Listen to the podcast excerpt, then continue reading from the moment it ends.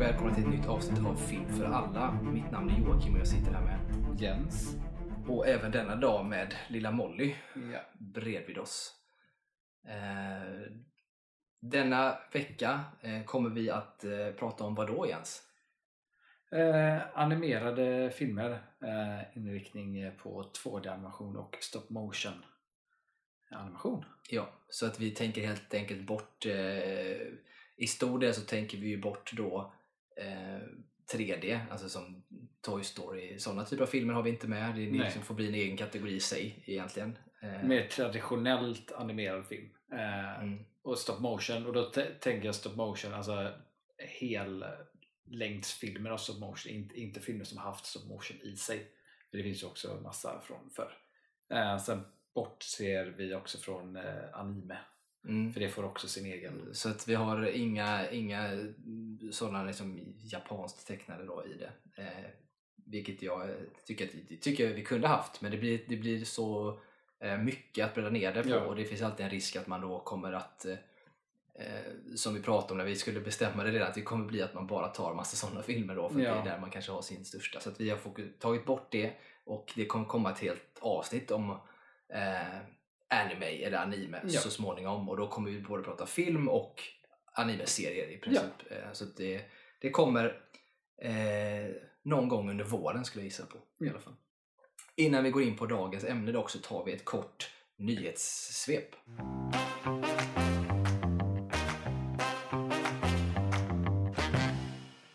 Och denna veckans nyhetssvep eh, är ju egentligen inte så mycket nyheter i sig på det sättet utan vi är ju inne i det som kallas eh, eh, award season på engelska.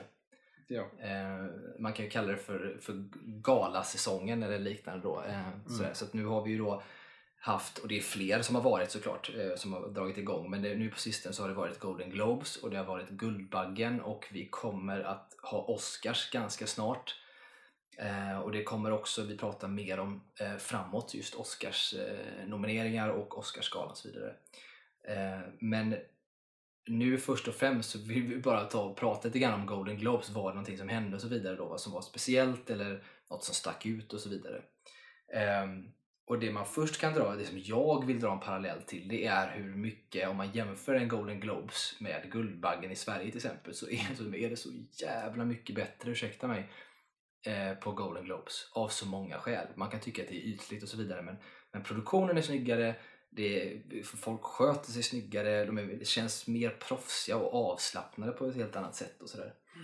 Eh, mycket bra eh, film som är där också ska jag säga, om man jämför med Guldbaggen. Nu kommer jag komma in på Guldbaggen sen lite mer när jag stör mig. Men eh, är det någonting du har tänkt på när du sett eh, vinnarna av Golden Globe som, som sticker ut eller som du tyckte var särskilt intressant eller kul och sådär?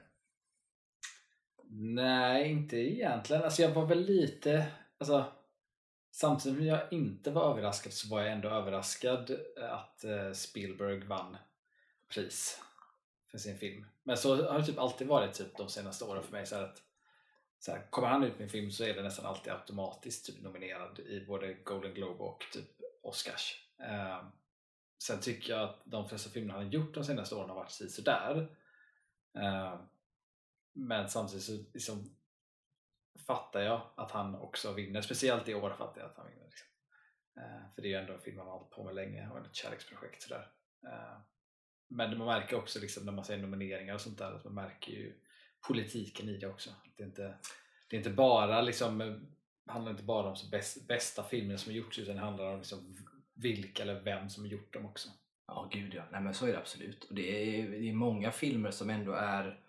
Eh, det är ofta ganska liknande filmer som är med i Golden Globes som är Oscarsnominerade också. Ja. Det brukar gå hand i hand, eh, till stor del i alla fall. Eh, och där finns det ju som sagt, och även alla kategorier med huvudroller och sådär, så finns det ju väldigt bra namn alltså. Det får man ändå säga.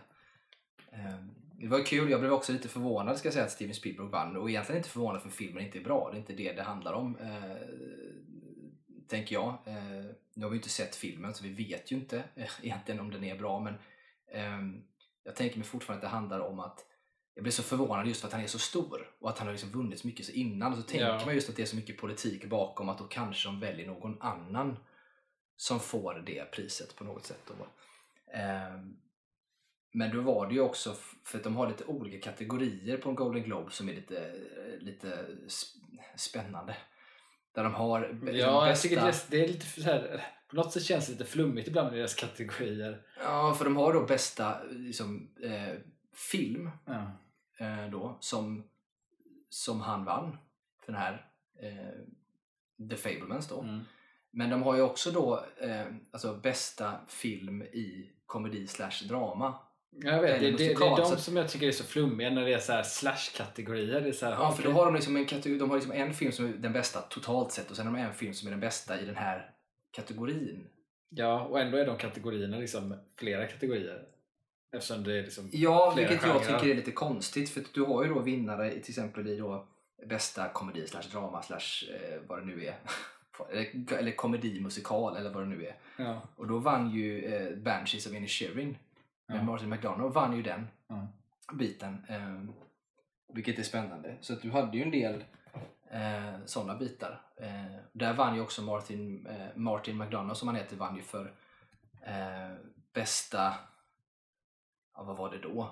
Eh, bästa tror jag manus på ett sätt. Mm. Men det vann ju, Spielberg vann ju också någon form av han vann bästa regi tror jag, eller om det var Mm. tvärtom. Han var bästa manus och Martin McDonough vann bästa eh, regi. Jag kommer inte ihåg hur det var riktigt nu bara för det. Ja. Jag vet inte heller riktigt när det kommer till Golden Globe liksom, jämförelse med Oscars också så är det så här Oscars känns som det, det liksom, tyngsta priset du får i industrin. Liksom. Men det är också, där är det ju där är det ju filmskapare som ger pris till sig själva i Oscarsindustrin, eller i Oscarsgalan. Medan Ja. Golden Globe, det är väl eh, det som ligger bakom det? Jag kommer ihåg. Men det är väl det är ju inte liksom, filmskapare eh, Nej, som det är bakom ju... det. ehm, ja, vad heter den?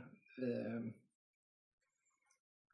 det, ja, International Academy av någonting. Alltså de har, det är någonting sånt som ligger bakom Ja. i Golden Globes. Så jag undrar ibland så här, vad eh, skaparna själva lägger som mest tyngd.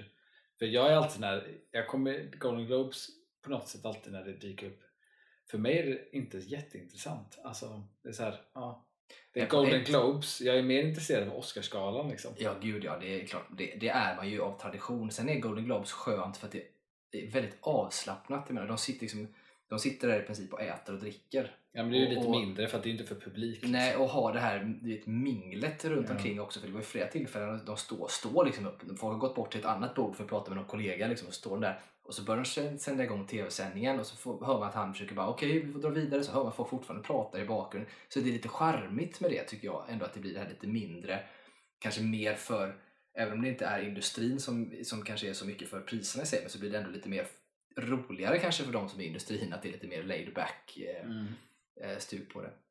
Eh, men jag man ska... tyckte Golden Globes var roligt när Ricky Gervais hostade de gångerna han gjort. Ja, gud ja. Det Det, har ju varit eh, väldigt spännande. Men om man ska ta med sig lite intressanta saker som i alla fall har varit i det här är ju att eh, Jennifer Coolidge, som alla känner som Stiflers mom från American Pie-filmerna, har ju spelat i en eh, serie som heter The White Lotus nu, eh, säsong 1 och 2. Och nu vann ju då hon bästa eh, supporting då, actress eh, för sin roll i White Lotus säsong 2 då.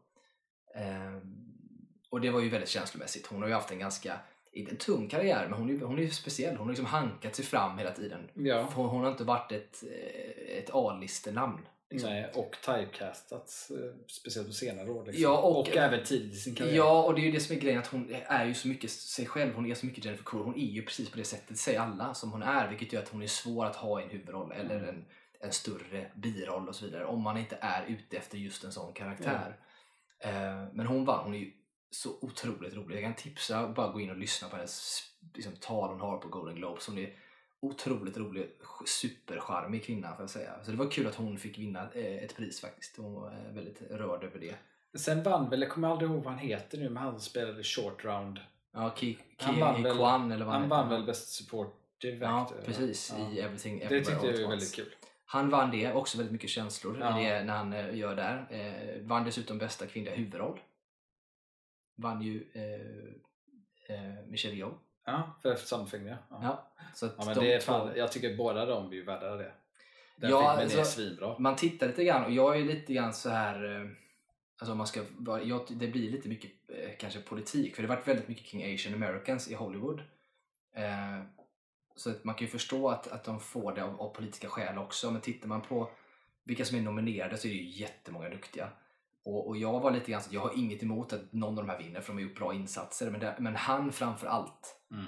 som i filmen är, visar på som brett spektra i sitt spel. För han får spela så markant olika egentligen, vilket hon till viss del också gör. Men det är kul att se honom med det, så det är verkligen en... eh, Han gör ju en, en otroligt bra insats i det. Men det är lite som när jag såg eh, den filmen så var det som att det blev så här vad man har liksom gått miste om egentligen från en skådespelare. Alltså att det är så synd att han inte har kunnat göra de grejerna innan. liksom. Ja, ja. Eh, Jag vet ju att han har ju varit mycket i stuntteam och sånt bakom innan. Eh, Ja, precis. Eh, men han- alltså man ser vad duktig han var eh, i den filmen. Alltså man blev så här, ah, fan vad mycket han, vad mycket han kunde ha gjort. Mm. Så är det helt klart. Eh, och där, är det- därför är det lite grann så att det är mer kul att han får den Michelle Yeoh. Yeoh förtjänar det också såklart, men hon är ju också en erkänt duktig skådis i Kina. Ja. Alltså där hon har gjort mycket liksom i, i de här i både Hongkong-rullar och allt möjligt. Där hon har vunnit priser och, och liksom, alltså på ett helt annat sätt än vad Mm. han har fått. Eh, för hon är ändå duktig på många sätt. Sen är hon ju sjukt duktig i kampsporter också. Det är ju han med förvisso, men hon är ju supervass. Mm. Liksom. Eh, det säger hon i sitt tal också, för de börjar spela så här walking out music. När hon står och håller sitt tal, då säger hon bara typ stäng av det, I can kick your ass. Säger hon. Det tycker jag var lite roligt. Eh, Så att de två vinner och sådär, det är ju skithäftigt. Eh, och det kommer som sagt många, många bra filmer som är där uppe. Eh, The Whale nominer- var ju nominerad i Golden Globes också till flera stycken. Det är en sån film, den måste jag, den måste jag se. Ja, gud ja. Det känns som att man ska göra det. Och det har blivit lite av en kärleksrelation nu mellan eh, Kihei, Kihei, eller vad han nu heter, den här alltså, som vann då för Everything Everywhere All At Once, och Brendan Fraser. Ja, ja, jag har sett det. Eh, för de har gjort film för länge, länge, länge Ja, sedan tillsammans. Eh, och nu är liksom de liksom bara sporrar varandra i att Ja. de typ fortfarande är här och att de har vunnit och, och det går så bra för dem båda två nu och Brendan Fraser har liksom brutit ihop vid flera tillfällen när han, han vinner priser och så vidare. Och, ehm, och där återstår att se hur det kommer se ut på, på Oscars så småningom. Ja. Eh, hur det blir. Men det, var, det är framförallt de här som ändå sticker ut lite då i som varit kul under Golden Globes ska jag säga. Sen finns det flera saker men det var många som Everything Everywhere All At Once har tagit hem ganska mycket priser. Eh, även Banshees of Inisherin och The Fablemans Mm. eh, har tagit hem en del. Eh, även eh, The Whale har ju också varit nominerad lite grann men har inte plockat hem riktigt lika mycket. Så. Det är Mm. de här tre som sticker ut och sen ytterligare en film som också sticker ut som varit med i, som jag inte känner till så mycket men det är ju en, Tar heter den. Mm. Med, med Kate Blanchett och sådär. Eh, Är det, ah, Keep That- är det den när hon spelar någon kompositör? ja precis. Ah, Okej, det är den filmen. Som har några, jag, jag har inte riktigt förstått vad den handlar om, men det är någon eh, hon har någon student där, vet jag, har jag sett i någon trailer, där som hela tiden pratar om att han inte vill spela han vill liksom inte gå in och spela musik som är vita män typ och sådana saker som har Mm. haft liksom, dåliga åsikter kring, vet, kanske varit nazister eller vad som helst och sådär. Ja, Och hon mer eller mindre bara sågar honom liksom, så att här kan du inte tänka typ. ja. Ja. Liksom, musikkonsten är liksom konst och du kan inte bara ignorera liksom på det sättet. Så att jag antar att det är en film som har lite grann att göra, alltså det, i trailern, eller det som jag såg från den lite grann, så handlade, tyckte jag att det handlade nästan som att man lite grann kritiserar dagens cancelkultur. Ja, okej. Och jag blir lite så här nyfiken på, så jag är lite sugen på att se den, just Mm. för att den också var ändå nominerad i ganska många kategorier och sådär. Ja, för där såg jag ju från tag, jag såg ju på, om det var på Spotify eller Apple Music eller vad det var, såg jag ju något sånt album från Tar. Mm. Eh, och så stod det så här Kate Blanchett, det var fan gör hon musik nu? Innan Ja. jag visste att det var en film. Ja, okej. Nej, för men den har ju den varit vill jag- med, den vill jag se. bland annat Best Original Song och sånt har ju varit från The Tar. Ja, Eh, nominerade i, i den kategorin på Golden Globes och så. Ja, men eh, ska inte fastna där. Kul att se i alla fall. Ja. Eh, Även eh, Babylon var ju också nominerad i vissa kategorier. sådär. Brad Pitt var där, snygg som fan som alltid. Eh, och sådär då. Eh, men om jag hoppar över till Guldbaggen lite kort. Eh, egentligen, som är så Eh, återigen så var det att jag hade sett Golden Globe innan, sen ska jag se Guldbaggen och det, jag tycker att man sitter på något sätt och svettas jobbigt när man tittar Mm. på Guldbaggen för det är så cringeigt. Eh, Ja, det är därför jag slutade. Jag har inte kollat på Guldbaggen på Nej men det känns inte avslappnat. fyra år tror jag. Jag tycker inte att det känns avslappnat. Jag tycker att eh, svensk eh, jag vet inte om det är kultureliten eller skådespelare, de känns, de sitter liksom där och knappt ler när det är skämt. De verkar tycka att de är lite viktigare än så. Liksom. kan inte ta det här. Ja, vi är konstnärer. Ja. Liksom. Det är så jävla svårt. Eh, vilket är synd tycker jag när det blir så. Eh, det är jävligt, om man ska uttrycka sig eh, lite, lite flagrant man säger, så kan man säga att det kanske är skitnödigt. eh, Ja. Kan man säga att Ja. det är. Eh, sen som sagt är det väl ändå en del saker. Ruben Östlund vann ju då bästa film, Triangle Mm. of Sadness. Eh, gick ju upp mot det här Boy from Heaven då, eller The Cairo Conspiracy som den också heter. I, eh, Just det, är samma Utomlands. film. Just det, Ja. jag glömmer alltid bort det. eh, som är samma film som heter, den heter Cairo Conspiracy utomlands men hos oss heter den här Boy from Heaven ja. vilket är jättekonstigt men Ja. eh, så är det. Ehm, så de gick upp, det var ju mycket prat om det. då. Tarek Saleh som har regisserat Boy from Heaven mot Ruben Östlund för de har stått nominerade mot varandra innan Mm. eh, och då vann Tarek sist. Så nu var det så här, okej men nu är Ruben Östlund där. Och det känns lite grann som att, att på riktigt så här för att man Ruben Östlund har man ju hört rykten om att han är lite halvdum i huvudet. Jag känner inte honom, ingen aning, men att han är lite så här. Och det finns ju ett rykte som går och säger att man, han vann för att eh, man var typ orolig att han skulle liksom bli arg mer eller mindre. Eller, och sådär. Vilket är helt sjukt att det är så. Eller eventuellt att en producent för filmen skulle kalla några för töntar i den här liksom som Guldbagge-juryn då eller någonting. Jag vet inte. Det är mycket sånt i alla fall. Det är säkert en Mm. bra film, vare sig du eller jag har sett Triangle Sadness, men vi ska. Ja. Det ska vi säga. Ehm, så att får vi se vad, vad vi tycker. Ehm, sen är ju han så jävla hypad och har varit i flera år nu så att Ja, vi får väl se. Men det man slås av att man tittar på Guldbaggen, även om det är så i, i Golden Globes och även i Oscar så att det är ganska många filmer som återkommer i alla kategorier. Men i, i Sverige, det är ju verkligen så här. Det är typ samma filmer hela tiden. ja, det är för att industrin är inte så stor. Nej men det är ju det. inte så Ja, många men det, det är verkligen samma filmer, men det är inte bara att det är samma filmer. Det är så här att det, det finns inga andra filmer. Nej. Du kan, du kan inte välja andra filmer att ha med. Jag är ju lite besviken när man tittar på en film när man pratar om, nu vann ju publikpriset vann ju den här eh, Feed tror jag den heter. Som är en svensk skräckfilm. Eh, Mhm. och jag hade ju hoppats att UFO Sweden skulle vinna eh, den kategorin. Eh, nu vann den. Och sen så är det också i bästa visuella effekter vann, nu kommer jag inte ihåg vilken det var som vann den bara för det. Men Det, det var kan in- inte vara Triangle Sadness då? Nej, jag tror inte att det var det. Eh, utan det var någon sån här... Ja, det var någon annan film. Jag kommer inte ihåg vilken det var nu. Jag ska, jag ska inte fastna vid det. Men inte, alltså, UFO Sverige är ju inte ens nominerade i den. Mm. Vilket pris var det sa du? Visuella, Visuella effekter? effekter.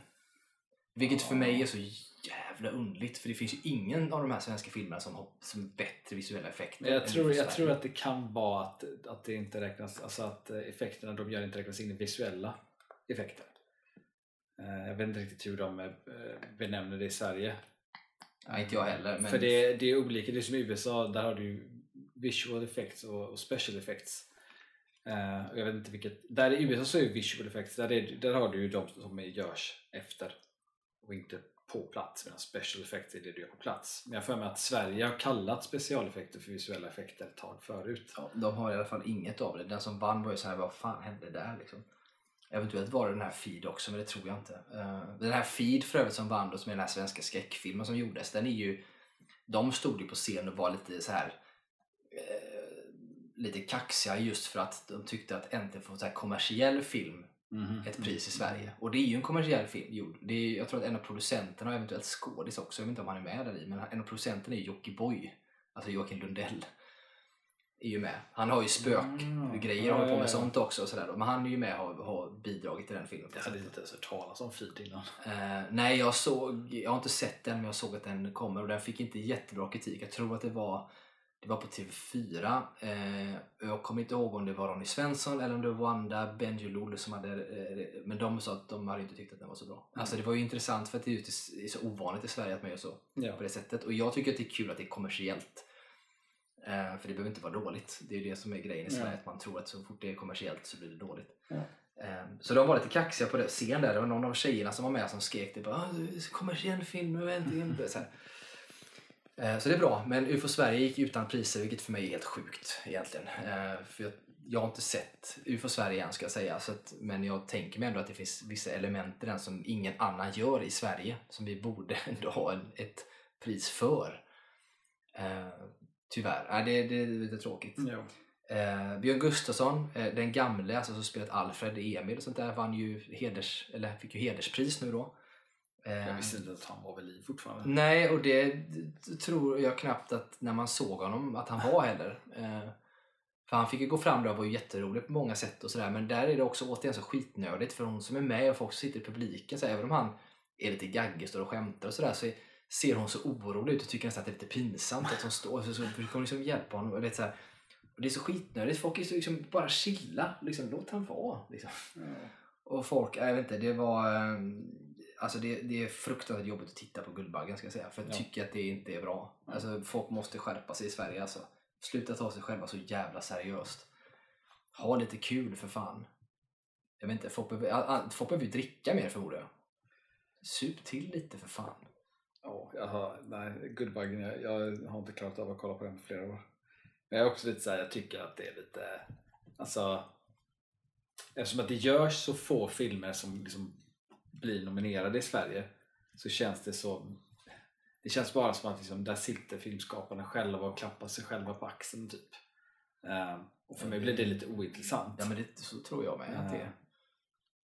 Det hade varit mer intressant om det fanns om det, om det var liksom ännu svårare att välja ut vilka som ska nomineras men det känns alltid som att det är så himla självklart vilka som, som ska nomineras i Sverige. Nu har jag ingen koll på det här året överhuvudtaget men tidigare år eh, när jag även varit på typ inspelningar och sånt där tidigare då har ju liksom folk alltid pratat under tiden så här, om nomineringar och sånt där och då har det alltid varit så här, och det har varit mycket seminarier, föreläsningar med producenter och då nämner de liksom filmer och ibland filmer som inte har släppts sen utan som kommer senare på året. Mm. Och de pratar om det, de bara ja, men de här kommer bli nominerade sen och sen så kommer Guldbaggen och så visar det sig att de hade precis, de hade helt korrekt och det sa de ett år innan. Liksom. Mm.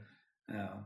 Men det, det, det, är lite, det är lite tråkigt. Ja, det säger ju en del. Och sen eh, ska man ju inte vara sån, för jag tycker att ändå de, de allra bästa filmerna som görs är de som både är kommersiellt gångbara egentligen och vackra och snygga och har bra skådespeleri. Eh, men som också såklart har ett budskap. Jag har inget emot det egentligen, eh, eh, att det finns något sånt med. Problemet i Sverige om man tittar, du kan titta på det utifrån, det du ser är att det som nomineras det är så här eh, om det är något queerigt, eh, om det är någonting som handlar om en eh, kvinna i medelåldern som helt plötsligt upptäckt sin sexualitet eller du vet som ska ha det. Eller det är eh, ett invandrarperspektiv. Alltså, det, men det- det, är, liksom, det, det är Ja. mycket sådana typer av saker som jag vinner. Jag säger inte att det behöver vara dåligt på något sätt men det är väldigt tydligt vad det är för typ av film du måste göra för att få Ja, en nominering. det som är, saken med det är egentligen också att eftersom att vi är statligt finansierat en stor del. Eh, nu vet jag att de har börjat eh, ändra det lite grann tror jag. Men innan så vet jag ju, de har ju alltid sina olika faser på Filminstitutet. Så att nu ska vi ha den här mängden av berättelser ska vi fokusera på i år och så vidare. Och så vidare. Och då blir det att det blir en stor mängd då av till exempel om man tänker sig att det ska vara ett invandrarperspektiv då, då blir det många sådana filmer det året och då är det också såklart de filmerna har gjorts det året och då blir det de som också blir nominerade att det är det som gjorts. Ja, och det styrs ju också, ska man säga, det styrs ju också till viss del av eh, regering och riksdag. Ja. Alltså vad de har för typ av, eh, om de har ett jämställdhetsarbete till exempel eller liknande igång så styrs ju det såklart av det.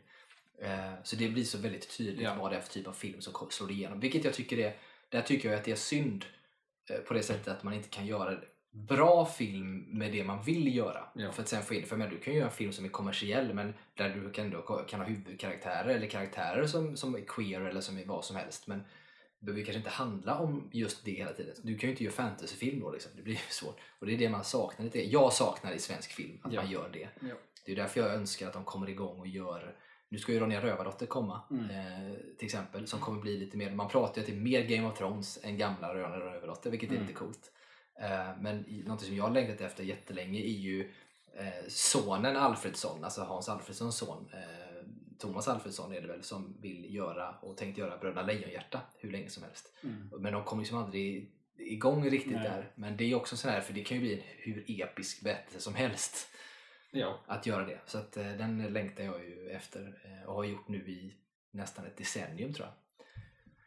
Och fortfarande inte där. Men vi ska inte hålla på och älta där. En sista sak om Guldbaggegalan är ju återigen, jag tycker bästa manliga huvudroll vann ju den här killen Granit då som spelar i Zlatan. Ehm, inte för att ta ifrån honom någonting. Men grejen är att han blev ju castad av för att han typ pratar som Zlatan och beter sig typ som Zlatan. Mm. Vilket innebär att jag tycker inte att han gör en rollprestation så att han förtjänar ett pris. Mm. Utan jag tycker att och då borde man ju vinna pris för bästa casting. Eventuellt att regin är så pass väl att man får till stuket. Då. Mm. Eh, där blir jag väldigt förvånad över att han vann faktiskt. För det tycker jag känns som bara en grej man ger. Han har aldrig varit nominerad, aldrig skådespelat innan. Nej. Och så går han in och vinner för att han är typ sig själv. Alltså det jag tycker att det är märkligt. Eh, det känns som att det känns återigen som att folk inte har haft koll på vem han är innan. De har bara sett filmen.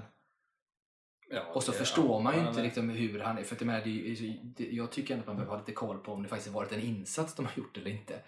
Att vinna första gången för någonting är jättekonstigt. Framförallt med tanke på att den filmen inte vann bästa film eller någonting. Eller i någon annan kategori. Nej, jag vet. Det är också många i industrin som jag vet tycker om att ge de gillar när det är lite såhär, åh nu, det, nu kommer det någon vi aldrig sett förut. Typ. För det har det varit förut. Ja, ja, och det kan man Och då, och absolut då, göra. blir, då blir det så, då vill vi ge ett, ett pris för det. Ja. Men frågan är om det hade gjorts en film och så har du haft någon som verkligen fått ett genombrott som är skådis på riktigt och fick sitt genombrott och gör det och skulle få för att den har faktiskt gjort ett bra arbete. Filmen i sig kanske inte är något så här jätte... Men den prestationen har ju varit jävligt bra då. Men skulle den få pris då? Till exempel i det här. Det är ju lite frågan. Sen kan jag tycka att det är lite sån här, inte smäll på fingrarna, men det är lite så här eh, fuck you till alla som faktiskt jobbar med det på riktigt och har gjort det i många år och som är nominerade. Ja, Som alltså jag, vet, får jag vet, jag har hört förut mycket bakom så att, att eh, folk i industrin, speciellt filmarbetarna, de är ju sådär liksom de är rätt kluvna till Guldbaggegalan i, i allmänhet. Liksom. Eh, just för att de tycker inte att det känns som att, att rätt personer belönas. Eh, det var bara som jag såg eh, på Instagram så följer jag eh, en sida där de har alltid så varje månad så har de en ny eh, person inom filmbranschen Mm. som eh, gör inlägg. Eh, och där var det en som hade skrivit kommenterat eh, i samband med Guldbaggegalan då och sa liksom att, att hon är ju alltid jätteglad för hennes kollegor och sånt som får pris. Bla bla bla. Men hon då som var den här månaden då, hon pratar ju om, hon är ju location ja, inte ansvarig men hon jobbar med locations mycket Mm. och sådär. Och att det finns ju inget pris för det eh, Guldbaggegalan och att, liksom, att, att hon tycker liksom egentligen att det, det bör finnas ett pris för det för att liksom locations och hela den grejen, det, det, och det fattar jag för det är så jävla stort arbete eh, och så får du ingen belöning för det alls. Eh, och du, du, du nämns ju inte heller sällan i tacktal för det liksom och sånt. För att, men utan locations hade du inte haft någonstans att spela in din film. Speciellt i Sverige där vi förlitar oss mycket på att spela in på riktiga platser och inte liksom bygger så mycket. Utan vi faktiskt hittar platser. Ja, nej jag håller med. Framförallt i Sverige är det så. Och där tänker jag att man kan ju, om man då inte vill vara så snäv som på det sättet så kan man ju ha ett bredare, liksom, en bredare säga, nomineringskategori då. Mm. Eh, som skulle vara typ bästa produktion eller någonting liknande. Där det skulle ingå Ja, något sånt då. Ja. Eh, för jag tycker också att det är lite synd att man får så. Men det är, det är, ändå skönt att höra det för jag tänker mig att det skulle förklara varför så många människor som sitter där i de här skådespelareliten är så skitnödiga. Det kanske är för att de känner att det här egentligen bara är BS. På riktigt. På, alltså ärligt talat så skulle det kunna vara det. För då är man ju bitter redan innan liksom. Och så känner man att det här är något man måste gå på det för det hör till. Och så kommer man sätta sig. ja. Jag vet också att skådespelerskan Claudia Galli heter hon. Eh, varit lite allt ja jag såg också det. Eh, såg Hon har ju varit eh, nominerad och, och tror jag till och med vunnit innan och hennes kille som också vunnit så här, bästa regi och sånt innan och, och duktig tror jag. Så här, eh, och även foto, eller om det bara är foto han håller på med. Han har ju varit nominerad, men de blev inte ens inbjudna den här gången. Nej. Och det var bara typ något år sedan de var nominerade sist, eller två år Mm. sedan liknande. Och, så där. Eh, och de var ju eh, bittra på ett sätt över det såklart, men eh, att det var så. Men de, hon gjorde ju ett jätteinlägg eh, som jag tolkar var från båda två som handlar väldigt mycket om det som vi pratat om nu. Ja. Det vill säga att det är väldigt mycket så här spel för gallerier, mycket liksom politik, det är mycket BS i det här. Liksom, vilket är synd. Så att, eh, jag tror att Guldbaggegalan skulle kunna vara så jävla bra om vi bara skärper till oss lite. Ja. Eh, så att, ja, det får vi se vad, vad det blir nästa gång. Men det var jobbigt att titta på tycker jag för det var så cringeigt hela tiden. Eh, på det. Men vi släpper det. Det får vara, eh, om vi hade någon mer nyhet. Nej, det var allt för den här veckan tänker jag så får vi nöja oss där. Eh, och så går vi in på, på dagens ämne helt enkelt. Ja. Okej, dagens ämne denna gången. vanliga fall har vi ju då eh, topplistor kanske på något sätt som vi båda kan diskutera kring och så vidare. Den här gången så eh, gör vi inte riktigt på det sättet utan det, nu kommer det bli mer att vi kommer prata lite tecknad film och sådär såklart. Men är det, sen är det så att du har en topplista. Jag har en topplista. Eh, med lite honorable mentions också som Ja. kommer vara där i. Ehm, så att vi får se helt enkelt vart vi landar i det. Men om vi börjar ta ett avstamp då i tecknad film och eh, stop motion. Men vi börjar med här tecknad film framförallt då. Mm. Ehm, vad, vad tänker man när man tänker tecknad film tror du? Är det, är det Disney framförallt man tänker? Och, eller vad jag tänker man annars? Och är det, är, är det bara för barn? Eller inte? Vad säger du? Alltså jag tror att gemene man tänker nog på Disney. Alltså jag tror att det lite går hand i hand, så här, Disney och tecknat. Det tror jag. Um, och sen är det ju alltså Disney är ju ofta riktat mot barn. Um, sen är det ju inte så att jag tycker att tecknat i sig är riktat mot barn i, i sin helhet men Disney är, ju- är, är ju alltid riktat mot yngre. Liksom. Um, men sen är det väl mest att det som jag tänker på när jag tänker på tecknad film det är egentligen att det är synd eh, vad många bra filmer folk missar för att de bortser från dem för att det är tecknat på grund av mediumet. För att eh, vissa berättelser passar bättre för vissa medium. Mm. Eh, det är bara vissa passar i 3D-animation, vissa passar bättre i 2D, vissa passar bättre i live action och så vidare. Ehm, och det är bara synd att folk är såhär, ja men den vill jag inte se för att den är tecknad. eh, för att det är för barn. Och det, det är väldigt synd. För att ofta Disney då speciellt, det är ju riktat mot barn men det är också de är så stora och har så mycket hantverk i det så att det är my- mycket att hämta där även när man är äldre. Eh, Mm. Som man missar som barn. Alltså det är ju så många filmer jag såg när jag var liten som man bara ser ytan på och sen tittar man på dem igen när man är äldre så märker man oj fan vilket jävla djup det var den här och vilken jävla berättelse det här var. Men finns det, tänker jag då, eh, för det är klart att det, det finns på sina ställen såklart, eh, men jag tänker mig, kan vi, eh, nu ska vi inte föregå din lista på något sätt egentligen, men, men finns det tecknad film rent spontant sådär bara som faktiskt är för, gjord för vuxna? Heavy metal. Mm, precis. Det, och det är Så, Mobius. ja, den heter Heavy Metal, ja. Eh, det är ju riktat mot vuxna. Uh, sen finns det den här eh, på svenska Den långa flykten. Som jag, den har jag inte sett ens. Men det är ju den här... Det, det är också Hasse Alfredson va? Som Nej, det är en brittisk eh, film. Ja, ja, just det, med kaninerna. Ja, med kaninerna. Den är ju, den är ju jätterå. Just Den, är så här, den ser ju barnvänlig ut som fan, men det är den ju inte. Den är jätte, det är så många britter som säger att den liksom, de har blivit ärrade när de var barn och såg den. Just det. Eh, sen finns det ju alltså, det är filmer som Disney har gjort eh, som, som eh, har liksom det inte gått så bra för för att de har haft ett liksom mörkare tema eller varit mer vuxna och det är typ en av de jag kan komma på som ofta så försvinner i minglet av eh, traditionell Disneyfilm det är ju Taran och den magiska kitteln. Mhm. För den var också så här mer riktad mot en lite äldre publik och att det gick liksom inte hem. Eh, och lite, det känns lite som att Disney har försökt gömma det lite Mm. under mattan typ. Men eh, så att det finns ju. Ja, men det är lite spännande just med att man inte gör för vuxna. Det är ju samma sak man kommer in på. Och här, här är det ju återigen för att eh, vi har vi släppt Golden Globes men, men eh, Guillermo del Toro vann ju faktiskt också en Golden Globe. Eh, Ja. För då bästa, eh, bästa animerade slash stop motion Ja. eh, kategori då så vann han ju för Pinocchio och i sitt tal så säger han ju att eh, pratar han om hantverket men så pratar han också om att det här är ingen, det här är ingen film för barn. Mm. Det är en film för vuxna men man kan titta på den med sina barn. Ja.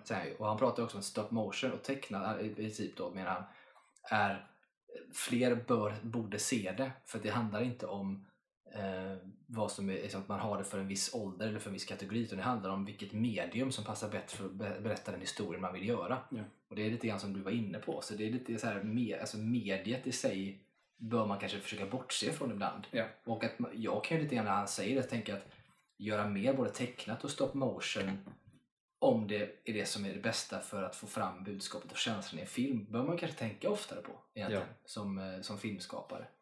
Sen tog ju den här filmen lång tid att göra för att det är stop motion men, eh, men absolut så, så tycker jag att det finns, eh, det finns nog filmer och sånt som gör sig väldigt bra som tecknad.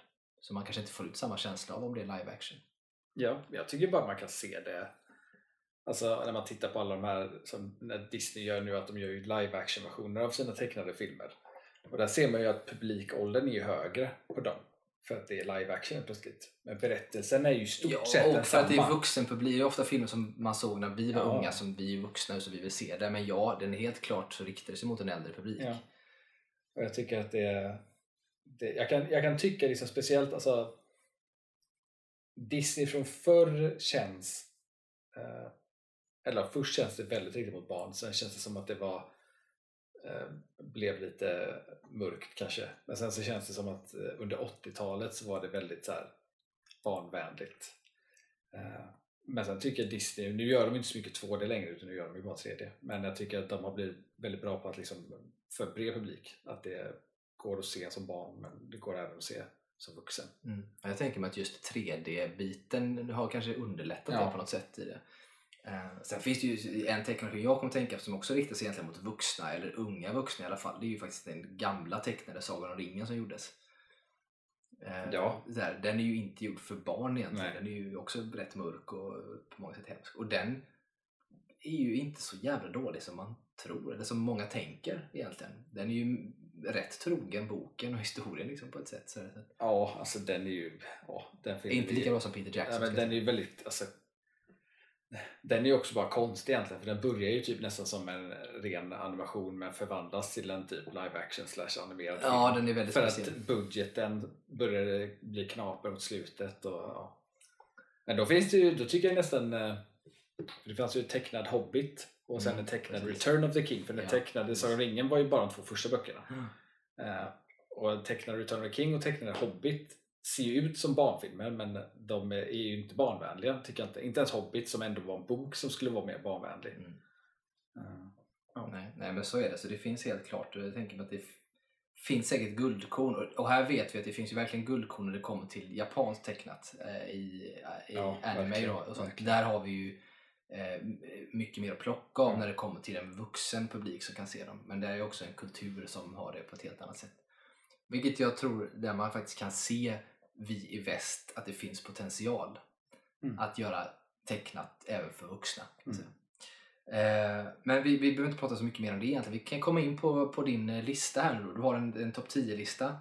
ja, ja. Eh, Som var svinsvår och, och, och ja, och det är därför du har massa honorable mentions då som Ja. vi får ta sen. Men om vi börjar på din topp 10, vad, vad har du satt där? Jag tänker bara att jag ska först nämna två hedersomnämnanden. Okej, kör dem. Eh, och de har jag uteslutit på grund av att jag har nämnt dem i tidigare avsnitt under julavsnittet. Och Mm. det är två jättebra filmer men jag har uteslutit dem bara för att de har nämnts förut och att de är så kopplade till eh, jul. Okej, och det är spännande. Nightmare Before Spännande- Christmas Spännande då. Ja.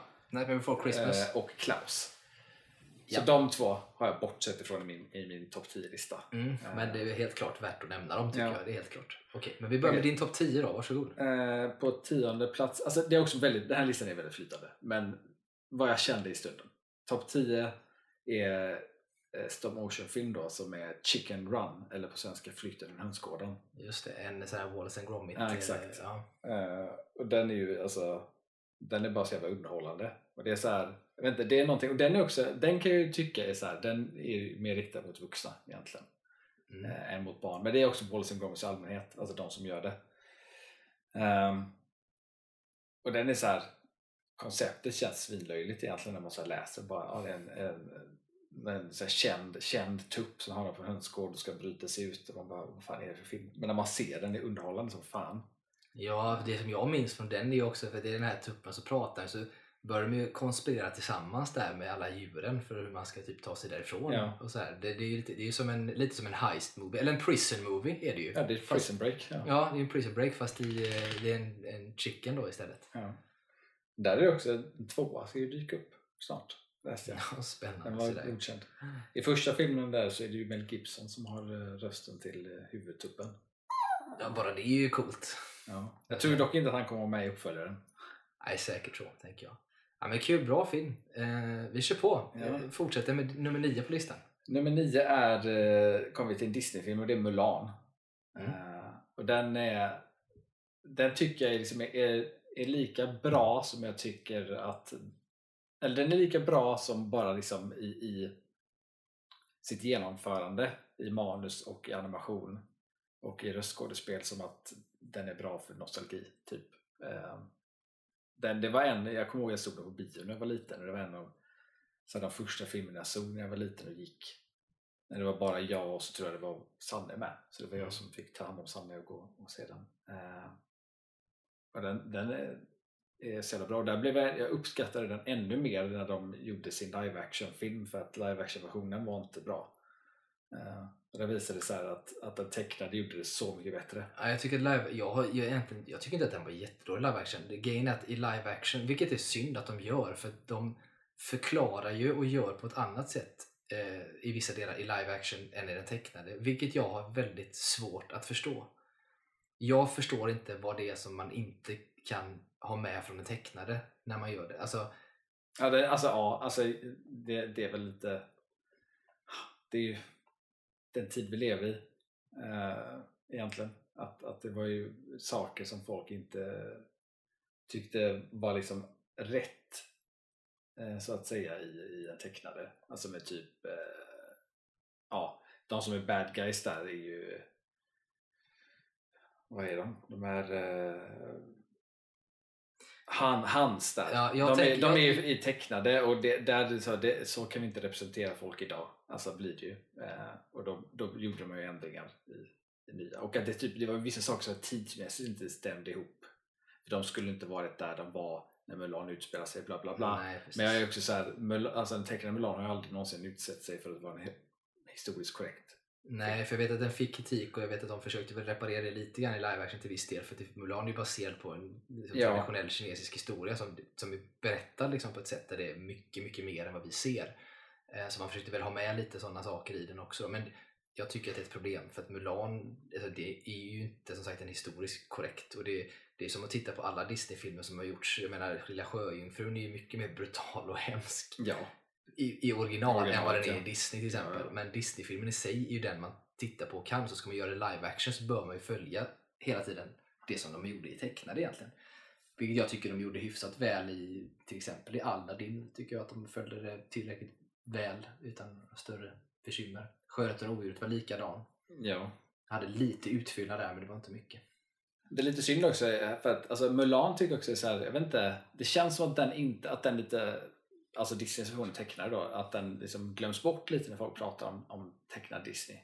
Ehm, men jag tycker ändå att det är en av, av de bättre filmerna som de har gjort och jag tycker också att musiken är också rätt underskattad i den här filmen för det är väldigt bra musik i den. Ja, det är det verkligen. Och det, jag vill också säga att just när det kommer till eh, vilket är sjukt för jag idag när jag tit- ska titta på något sånt, vilket jag gör sällan ska jag säga tyvärr, men när, för jag är väl också en sån här som kanske håller mig från att titta på tecknat när det är tecknat just. Men, men det, ska jag titta på någonting idag som är tecknat eller animerat eller vad som helst, då tittar jag ju helst på originalspråk, alltså på engelska. Med. Men, men Disney-filmerna tecknade, och det är ju lite grann kanske för att man växt upp med det, men jag tycker också att även idag när man ser på, på dem så är de fan bra på svenska också. De, det, det var någonting i hur de lyckades få till det. Jag vet inte vad... Ja, alltså jag tycker också att de är, är fortfarande bra att titta på svenska. Jag tittar ju aldrig på dem på svenska längre. Alltså jag slutade göra det för länge sedan. Eh, jag ser dem bara på engelska när jag kollar på dem. Eh, men jag tycker när jag väl har sett ibland klipp och sånt på svenska tycker jag fortfarande det håller väldigt väl. Men det var också, jag vet inte, förut, alltså just typ under 90-talet så var Sverige jävligt duktiga på att få till skådisar som hade så väldigt lika röster som de amerikanska versionerna. Mm, mm. Eh, Sen tycker jag en sak som Sverige faktiskt gjorde bättre i sina liksom, i sin översättning jämfört med USA i de gamla tecknade, för det gör de inte längre i sina tre versioner, men det är att i Sverige hade vi samma för eh, eh, röstskådespelet och sången. Mm. Det hade inte USA. Nej.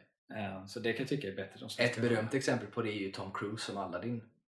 Men han sjunger inte, utan det är en annan som sjunger. Ja. Vilket är synd. Och här har vi Jöback som gör både och. Ja. Och det måste jag säga, det gör vi jävligt bra i Sverige. Och det var ju också en tid, det gjorde vi jävligt bra ska jag säga, men vi gjorde det också bra i och med att vi fick sångerna att passa in. Ja. Alltså vi översatte sångerna så jävla Ja. väl och det har ju varit en del stora, så här, jag kan inte alla namn, jag tror att det är så här, typ så här Ingela Pling Forsman typer och sådana här som varit med i skivbranschen länge och sånt där som, som brukar översätta och skriva texter. De har gjort mycket av de här grejerna och gör det så jävla bra. Mm. Alltså det, det får man ändå ge dem. Så det, det kan jag tycka, sakna lite, att man kanske inte är riktigt lika vass på det idag. Mm. Eh, så. Men vi släpper Mulan och går Ja. vidare till nummer åtta då. Eh, Det är eh, Wes Andersons Fantastic Mr Fox. Just det, en stop motion. Ja. Ja. Och den är, tycker jag är, alltså det, det, det är liksom inte bara en bra animerad film utan det är en av mina favoriter av, av Wes Andersons filmer också. Eh, Totalt sett liksom. Ja. Och vem, vem har huvudrollen där? Eh, vad han heter, bara för det. Eh, Rösten? ja, vad heter han nu? George Clooney. Ja, är det inte George Clooney? Ja, George Clooney har ju rösten till, till räven. Och sen är det ju massa andra som har röster som han brukar arbeta med. Men den, alltså, den är också baserad på bok av Mm. vad nu författaren heter som jag alltid glömmer av. Eh, det heter Roald Dahl? Eller? just det. Ja. Eh, så den, den filmen och den berättelsen lånar sig jätteväl till hans stil och allting. Eh, och det var den första stop motion filmen han gjorde. Wes Anderson. Som också visar liksom att för det är ju, liksom, den är inte som en på samma sätt som hans filmer är, är hans filmer och hans stil så är ju även den här stop motion filmen hans stil. Det är inte som andra stop motion filmer utan det är Wes Andersons stil den liksom filmar på det sättet han hade gjort som en live action. Liksom. Mm, mm. Um, och det, det är något intressant när en live action regissör kommer in och gör en animerad film tycker jag. Um, för det blir alltid, det känns alltid när man ser här bakom material speciellt att man, det känns som att alla bakom blir lite pushade. Lite extra pushade för att reg- regissören kanske inte är så medveten om hur man gör det. Så att de har så här, "Ja, men jag vill, jag vill kunna röra kameran på det här sättet. Så blir det så, ah, men det har vi inte gjort förut. Får vi lista ut hur vi gör det. Mm. Um, så det, är alltid så här, det känns alltid som, för det är samma sak med Guillermo och det här Pinocchio. Det känns alltid som att liksom, det, det, det går framåt varje gång det kommer in någon lite utifrån som, som inte kan gränserna. Liksom. Mm. Ja, den är ju som sagt eh, fantastiskt eh, bra. Det var jättelänge sedan jag såg den ska jag säga. Där är nästan, där är också, det är nästan lika roligt att se den filmen som det är att se bakom materialet på när de spelar in rösterna. För att de spelar även in rösterna på ett annat sätt än vad som är normalt för stop motion och för animation. Ofta så är man ju liksom i en studio och så spelar man in rösterna själv. Liksom. Eh, har man tur så står man med andra skådespelare och har no- lite dialog med varandra. Men där vet jag ju att de var ju tillsammans liksom och typ spelade ut scenerna. Liksom. Eh, så att det, och det märks tror jag i slutprodukten. Man märker att det, det finns ett spel där som funkar väldigt väl. Mm.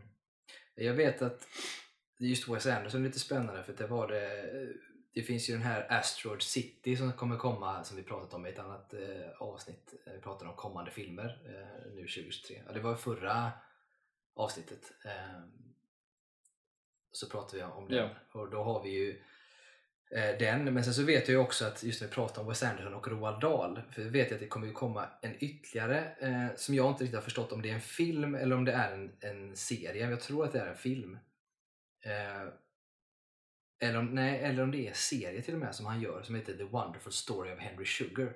Ja, jag också. Som också ska komma nu med Benedict Cumberbatch i huvudrollen. Ja. Och det är också en adaption av en Roald Dahl Ja. historia som han gör samtidigt. Så det är bara en liten kort nämnare kring det för Mm. jag kommer att tänka på när vi pratar om det nu. För det är så här, jag är ju också så här, älskar Wes Anderson. Det är, liksom, jag, det är en av de filmer jag ser fram mest mot i år är just där Sword City. Och det är ju, ja, jag är helt hooked på honom och tycker en briljant filmskapare. Mm.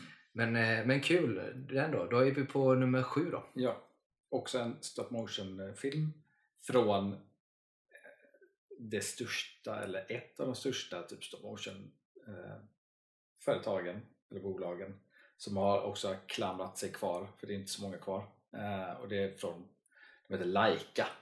Och de har gjort massa anima animationer stop motion. Men den som jag har på min sju är Paranorman.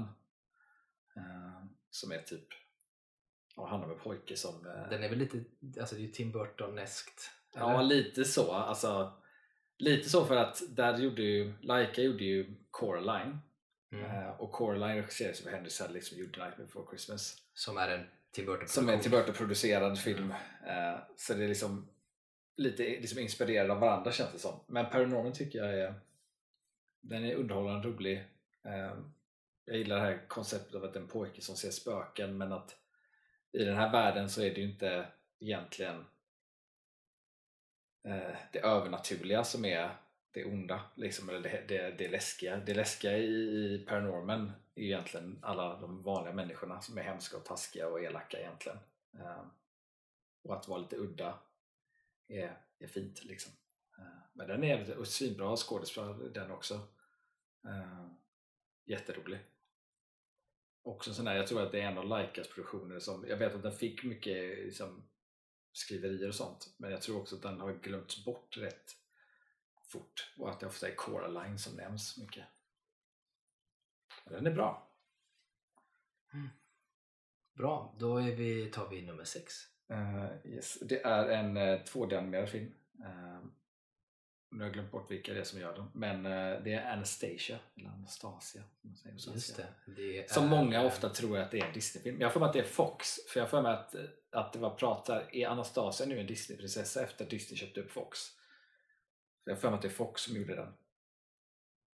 Ja, det kan stämma att det är så. Jag får också upp så här, är det Fox? Det måste nästan vara det. För det var ju under period, det var en period på 90-talet det var eh, Fox och eh, de som sen blev, jag vet inte om Dream, jo Dreamworks fanns då.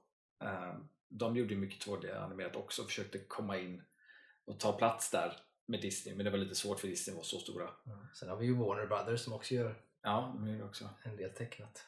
Men Anastasia är fan, den är underskattad tycker jag. Eh, ofta folk som, jag tror folk glömmer bort den. Eh, också så här, inte, inte alls lika barnvänlig som Disney-filmer. Eh, rätt mörk. Också intressant att den är baserad på liksom verklighet, alltså på sätt och vis. Nu är det väldigt mycket ma- magi och sånt där med i den då, men det är ju, Ja, men ska man tro verkligheten och ryktena som säger så var det ju mycket magi också. Så att, det, är, det är bara det att man visualiserar det på ett annat sätt här Ja. än vad bara ryktena säger. också väldigt bra musik i. Ja, otroligt eh, vacker musik ska man säga att det är. Ja. Eh, Där är Kelsey Grammer har ju röstat den till eh, den här inte, inte till eh, han som är huvud, eh, manliga huvudpersonen, karaktären där utan hans vän, lite så här rund, rund gubbe typ. Jaha, Det är Kelsey Grammer. ja just det. Sen kommer jag inte ihåg vilka som har röstat till de andra faktiskt. Ja, det kan inte jag säga heller för jag tror, jag tror faktiskt att jag har sett den på svenska så att jag har faktiskt ingen koll på hur det är där. Och i svenska så är jag osäker. Jag får upp lite grann så att det eventuellt skulle kunna vara Helene Sjöholm som har röstat till Anastasia men jag är jätteosäker på det för att det känns som att hon kanske var för gammal men jag vet inte. Eh, hur som helst otroligt vacker musik i den Ja. och otroligt vacker Också- överhuvudtaget. Ja, riktigt bra animation i den. Ja, Alltså verkligen så här. det är det. Och där är ju allt från själva karaktärerna, hur de ser ut, men också bakgrunder och ja, allt det där egentligen. Så om man skulle jämföra med sånt som jag tycker är superviktigt i film, typ filmfoto, så är jämförelsevis då att titta på, på hur det är tecknat Mm. och vad de har där som är otroligt vackert i den här filmen. Ja, det är jättebra hantverk i den filmen. Eh, får man säga.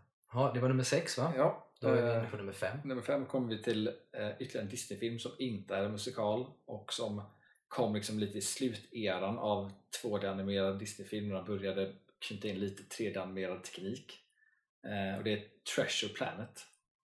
Mm. Eh, väldigt underskattad. Svinbra film. Baserad på boken Skattkammarön Ja. från början. Som är, Men eh, en sci-fi tolkning helt enkelt. ja, Där det inte är en ö utan det är en planet de letar efter Ja. istället. precis. Också en jävligt underskattad film. Ja. Joseph Gordon-Levitt har rösten till huvudkaraktären. Just det. Den, den är svinbra. Och där tycker jag ett, alltså, den tycker jag är så jävla bra också. Alltså, bad guyn i den är så jävla alltså, väl gjord. Alltså rent animerat men också alltså, karaktärsmässigt. Alltså, man, man förstår honom. Eh, och man fattar liksom bondet de får. Eh, nej, den är jävligt bra. Den är svinbra. Också så här, jag vet inte om det är för att det inte är en musikal som att den känns mer riktad mot vuxna. Men eh, det är någonting med den som inte känns lika så här att barn skulle vilja se den lika mycket som typ en, en Disney-musikal. Eh, kanske också hade en faktor i att det inte gick så bra för den. Att, att det var dels att barn kanske inte var så intresserade och att den var rätt dyr och den kom precis samtidigt som 3D började bli stort. Liksom. Ja, den är ju som sagt baserad på Skattkammarön då, av Robert Louis Stevenson som skrivit och den är ju den, alltså det är sån här den gör sig jävligt bra i, i rymdmiljö på något sätt. Ja, Eh, du har ju då Jim Hawkins, huvudkaraktären då eh, och sen har du då eh, Long John Silver Mm. som är den här, det är ju en klassisk, man, om man inte känner till Skattkammarön så känner man nästan till Long John Silver. Mm. som, som namn för någon pirat någonstans. Liksom. Och det är ju den här ja, eh, som gör ett myteri då och som är, lite, som, som, är go, som är god men som är ond. Alltså, Ja exakt. man Alltså, får ju han, ett är, band till han, är, honom. ju- han är ju antagonisten men han är ju inte ond egentligen. Nej, och han är ju liksom snäll från början. Eller på något sätt. Han är jättesympatisk och, och blir en pappafigur. Exakt, Far- och sen farfigur, så liksom. eh, vänder du där lite grann i det. Nej, den är oh, eh, superbra. Jag gillar också hela alltså produktionen i den är också intressant att de har liksom valt de valt liksom att skeppen är skepp bara att det är teknologi som gör att liksom, de kan vara i rymden men Mm. det ser ut som liksom havsskepp. Ja, det tycker jag är jävligt ballt och coolt liksom. Ja, och det är återigen så här sak när man pratar om eh, vilket medium man använder när man gör film. För att jag tror att hade man gjort det i live action Mm. så hade fler haft svårare att köpa ja. har man ett skepp. Nu Ja. gjordes det, ska man säga, i senaste Thor. Ja. Så har de ett skepp som åker i rymden som man bara köper. Och det är lite coolt att de gör det så. Men eh, på den tiden, och även kanske Ja. nu till viss del, gör man en sån typ av film så är det bättre att ha tecknat som medium i det. Ja. eh, egentligen. Eh, kul, bra film ska jag säga. Och typ. eh, kör på med nästa då, nummer fem är vi på. Eller? Nej, fyra nu. Fyra nu. Ja. Och det är uh, Lejonkungen. Mm. Den kan liksom in, den kan inte Svårt att listan. med den. Ja. Den, den är också så här, den såg jag när jag var liten. Jättemycket nostalgi, men den är också svinbra film. Bölar ju som fan till den filmen. Jag kan typ, alltså jag typ hatar nästan att se den. Bara för att jag Ja, alltid blir så jävla ledsen när man ser när Mufasa dör liksom. Eh, men där tycker jag också det är intressant att se jämföra den också med alltså, vilket medie som passar bäst. För live action versionen av den eh, jag tyckte att det var en bra film. Eh, Men där tycker jag också att misstaget de gjorde i den var att, och det vet jag också att det var deras typ fokus i live-versionen, var ju att de ville ju att, det skulle, att djuren skulle vara djur och att de skulle liksom inte kunna göra mycket mer än vad ett djur skulle kunna göra. Alltså rent typ ansiktsmässigt och sånt där. Mm. Eh, och där ser man att, att du, blir, du blir inte lika investerad i live-action-versionen som du blir i tecknade. Eh, fast att det tecknade egentligen är längre ifrån en på ett sätt som det är tecknat. Och inte för att djuren kan inte, de, Ja. kan inte, de kan inte vara sådär antropomorfiska i det utan det blir så mycket djur. Ja, eh, och det tycker jag det, det var ett misstag i live action tycker jag. För att det är så en himla bra berättelse som man inte får lika mycket ut utav om man inte är investerad när man ser den. Nej, nej, precis så är det. Det är också sån här klassiskt där de gör så jävla bra svenskt. Mycket bra röstskådisar Ja. i, i den svenska också ska man säga. Det är mycket bra röstskådisar även i den engelska man ska vara sån. Och där har vi ju återigen sån här klassiska, menar, Elton John gör ju ledmotivet till, till mycket men det är ju sen Hans Zimmer som gör Ja. musiken i övrigt till Alltså, jag tror fan att Lejonkungen måste varit det som introducerade mig som barn till Elton John tror jag. Ja, det är nog inte omöjligt, eh, tänker jag. För han gör ju, han gör ju alltså, sånglåtarna kan man säga i stora drag och sådär. Men sen så är ju Hans Zimmer står för själva scoren då, soundtracket till. Så att, eh, det är ju inte dåliga namn och sen har du ju alla skådisarna som är med. Liksom, Rowan Atkinson, Whoopi Goldberg och Matthew Broderick och Jeremy Irons inte minst som spelar Ja, Scar. ja. Eh, och sådär då. Eh, otroligt bra. Richard Wolff spelar ju Scar i svenska och är ju typ motsvarande en Jeremy Irons Ja, nästan. ja. Otroligt välkastad på alla sätt. Eh, är sjukt bra. Den är riktigt bra. Den ska man också säga att de Skattkammarön, alltså Skattkammarön och Skattkammarplaneten, den är ju baserad på en bok och det är eh, Lejonkungen, vilket de flesta som kan film känner till idag, men den är ju alltså baserad, det är ju Hamlet, det är. Shakespeares Hamlet Ja. som de gör, vilket är förklarligen då till att den är så jävla bra för att det är en sån här story som går går alltid, den är ju tidlös på något sätt att göra.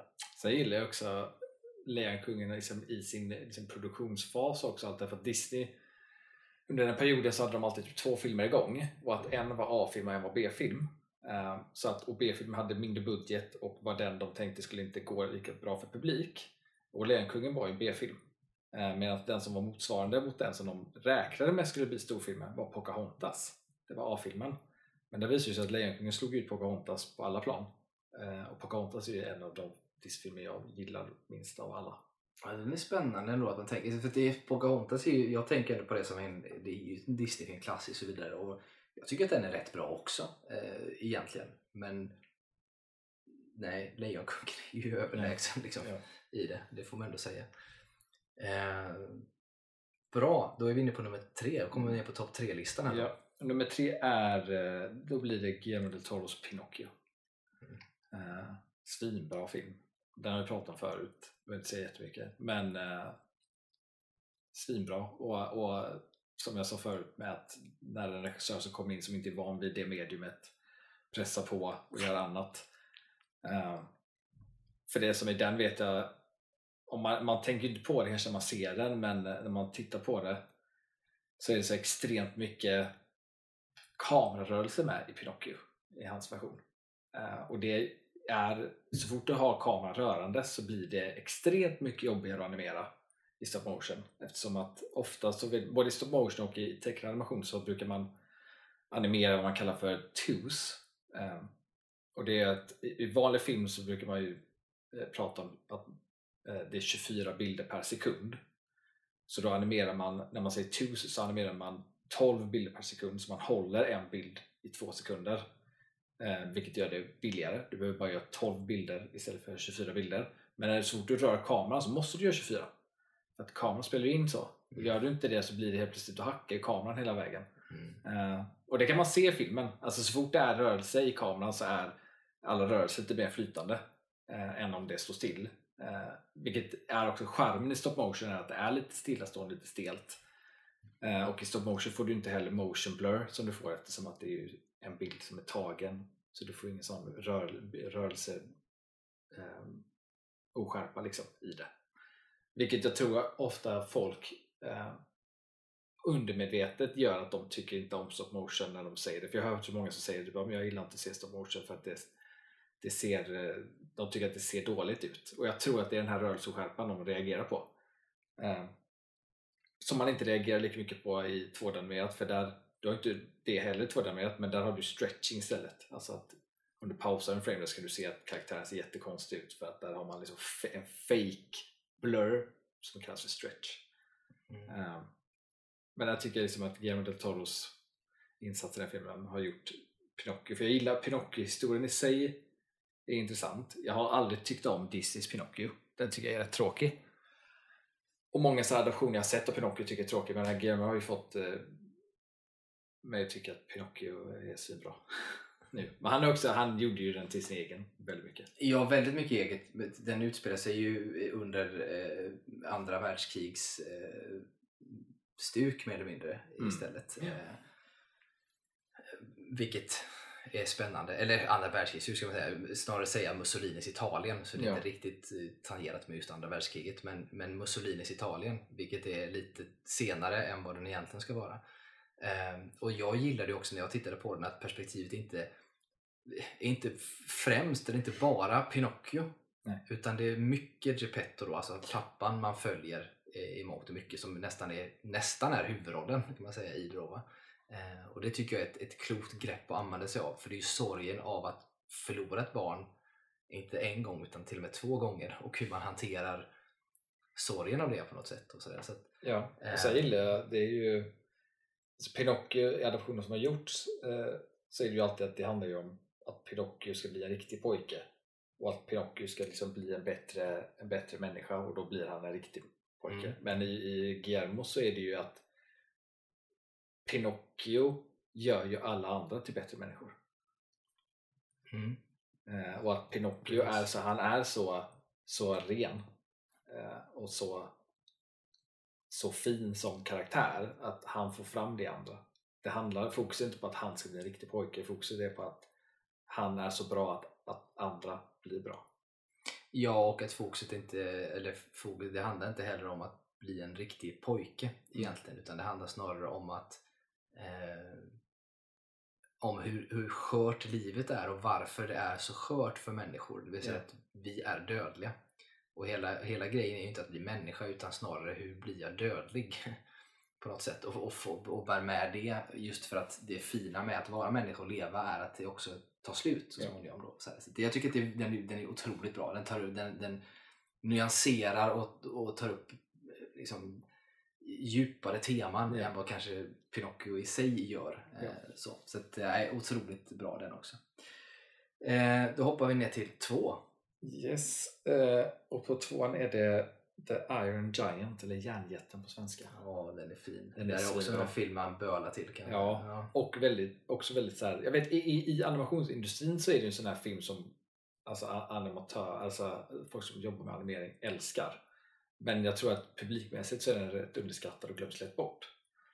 Ja, Jag hade fan glömt bort den kan jag säga. Men Och där var ju också, alltså där, för mig att det är Brad Bird som har regisserat den. Brad Bird gick vidare sen till Pixar och han har ju bland annat gjort The Incredibles. Ehm, och han gjorde ju så här, även Mission Impossible 4 tror jag. Mm, det Eh, och ja, Järnjätten, den är en svinbra film. Eh, också där liksom att det, det är på något sätt det är liksom en, en, eh, en barn, och, barn och barn slash barn och pappa på något sätt, eller barn och bästa vän. Men som också är på något sätt har den här att han, han är egentligen där för något hemskt den här roboten. Och att han vet inte om det.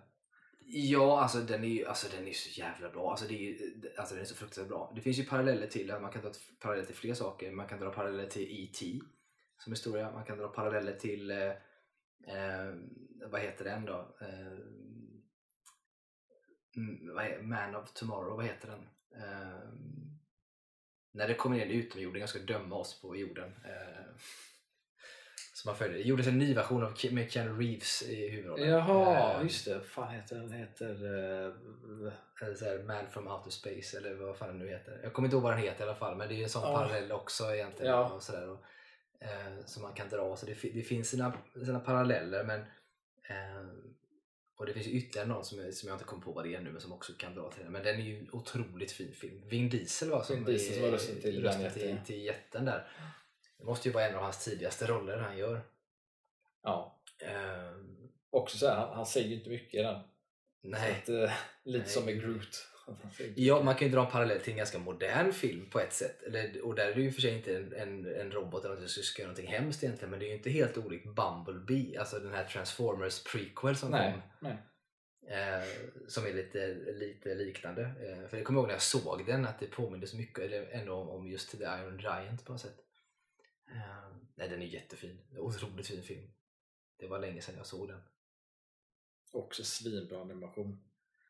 Också så där jag tror att den glöms bort för att den kom rätt sent. Så den kom lite också i den här att, att 2D-animation började fasas ut lite grann. Mm, mm. Eh, För det är även 3D-grejer med i den, där den im- implementerar 3D i 2D. Eh, Ja, den rekommenderar alla att se. Eh, Den hade nästan kunnat vara nummer ett om det inte var för nostalgi. Så nummer ett, nummer ett Så är, osökt in på Ja. nummer ett då. Ja. nummer ett blir Skönheten och odjuret. Det är nog min eh, allra... Jag ska säga det att jag gjorde ingen lista, men det jag tänkte säga på, idag på det här var att eh, om jag hade haft en lista så hade min absolut etta varit just Skönheten och odjuret. Så att, eh, ja. Det är min absoluta favorit eh, Disney 2D-animerad film. Eh, och, och jag tycker nog att alltså, skulle jag jämföra med Järnjätten så skulle jag nog säga att Järnjätten är en lite bättre film om man ser båda två för första gången. Men jag kan liksom inte gå bort från nostalgin i Skönheten och djuret. Därför hamnar den liksom lite över. Um, men där tycker jag den är, den är så bra. Både Järnjätten och Skönhet och djuret har ju det här något okänt, ett monster på något sätt. uh, som ska hitta sin mänsklighet. Liksom. Och det är ju sådana teman jag älskar så att jag är inte förvånad att jag gillar båda filmerna. Uh, och där är det också intressant för att Stjärnodjuret i live action versionen där, jag tycker att den är ju den film av alla de här live action som jag tycker förhållit sig närmast till originalet. Mm, och det tycker jag också gjorde den bättre. absolut. Eh, och sen tycker jag att live action versionen gjorde en sak bättre än vad den animerade gjorde. Och det är att de gav ett solonummer till odjuret i live action versionen. Mm. Som jag faktiskt tyckte, jag hade tänkt inte på att jag saknade det förrän jag såg det. Så det, alltså, det blev så mycket, hans berättelse blev bättre med det. Så jag ville nästan att de ska gå in och lägga till det numret i, i den Ja, tecknade. Men det vet jag också, den, den låten, jag vet inte om exakt den texten eh, var med, men jag vet ju att han som gjorde musiken, eh, som dog eh, inte alls långt, eller under produktion kanske till och med av den tecknade. Han, eh, den, en, en version av den var ju skriven för den tecknade, vet jag. Mm. Eh, men klipptes liksom bort av tid och sånt. Nej, det, det är möjligt. Jag håller helt med det är, i, i samtliga grejer egentligen. Jag tycker också det. Det numret som är med då i live action är, är bra och det passar alldeles utmärkt in och jag tycker att helt klart att det är den bästa live action, alltså adaptionen sett till de, de som är gjorda. Eh, sen är ju den tecknade så jävla bra. Och, och grejen med den tecknade som gör att den är så bra det är att varje gång, jag ska, för det är en av få som jag faktiskt sätter på även i vuxen ålder. Och varje gång jag startar den tecknade så när det börjar och man hör den här musiken som kommer, då är man hooked. Bara den Ja. gör att Ja. filmen börjar så jävla bra och så är man helt fast. Ja. Så att nej, den eh, biten är så bra. Och sen så är det så mycket bra karaktärer som ändå är, de är inte alls komplicerade egentligen. Eh, vilket jag tycker är så skönt för du har ju då eh, alltså Gaston som är den, den, den onda, den som man inte tycker om egentligen, är ju verkligen en, en obrydd liksom, person. Man, man, man kan ju inte gilla honom. Han är skitsnygg och stor och stark och häftig liksom sådana saker. Då, va? Men man förstår ju hans, man förstår ju hans argument. Ja. Och man förstår att från hans perspektiv så har han ju rätt. Liksom. För att det är ju ett odjur och han vill ju skydda, han är stor och stark och ska skydda alla och sådär. Och sen så blir det ju någon form av avundsjuka då också i det. Och sådär. Eh, Så man förstår det. Men det är också det som är lite härligt med det, att det inte är för komplicerat utan det är ganska svart och vitt och sådär. Mm. Och man kan ändå eh, slippa krångla till det. Ja. Utan man bara kan hålla på de goda på något sätt. Mm. Sådär. Och sen så är det som sagt att menar, det är inte helt självklart i början på en film att det här odjuret är gott och det är det ju verkligen inte för det har han ju blivit ett odjur för att han inte var god. Mm. I princip. Så att det är lite roligt. Han börjar ju nästan som att han är en, han är ju en Gaston-figur själv. Och så får han ju skit för det och Exakt. blir odjuret. Ja. Och sen så blir då på något sätt ändå räddningen för honom blir ju att han får möta en, en egen, alltså en spegling av sig själv sen som, Ja. som han möter då där han på något sätt har visat på att han har utvecklats trots att han ser värre ut så har han liksom kommit längre än vad Gaston någonsin kommer göra. Ja. Sen kan man alltid ifrågasätta det, här, ska det behövas för en människa att man får utstå det för att man ska ändra sig och så vidare. Men så jävla bra ändå. Mm. Eh, sjukt bra. Också välkastad i live action. Ja, eh, fruktansvärt bra. Allt från att du har eh, alltså Emma Watson som Belle är, Ja. klockren. Eh, och så har du ju Gaston då som spelas av eh, eh, han som är Hobbit och eh, Vampyr. Eh, som alltid glömmer, Luke Evans. Luke Evans. Ehm, och så har du ju då eh, odjuret som spelas av han som, som jag alltid gillar, som jag ville skulle spela Bond och som spelar i The Guest och i Ja. Downton Abbey. Ehm, Jag glömmer alltid bort hans namn. ja, det är sjukt störigt att jag också gör det. Men ja, Men där, i den filmen tycker jag nästan att där har de castat så väl, för det känns som att eh, skådisarna som de har castat där är, är nästan liksom lite typ födda för det.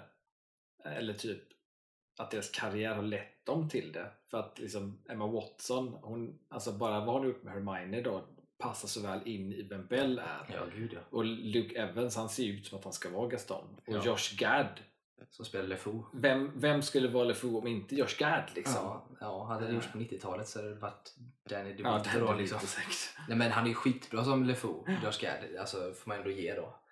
Ehm, är riktigt bra. Eh, riktigt bra får jag säga. Sen har jag, jag har tänkte nämna, för jag har massa hedersomnämnden, jag tänkte bara nämna av. Kör Eh, på. och jag har dem i typ två olika kategorier. En kategori är filmer som eh, jag tycker är bra av nostalgiskäl, men det var också väldigt länge sedan jag såg dem. Därför kunde jag inte ha med dem på listan.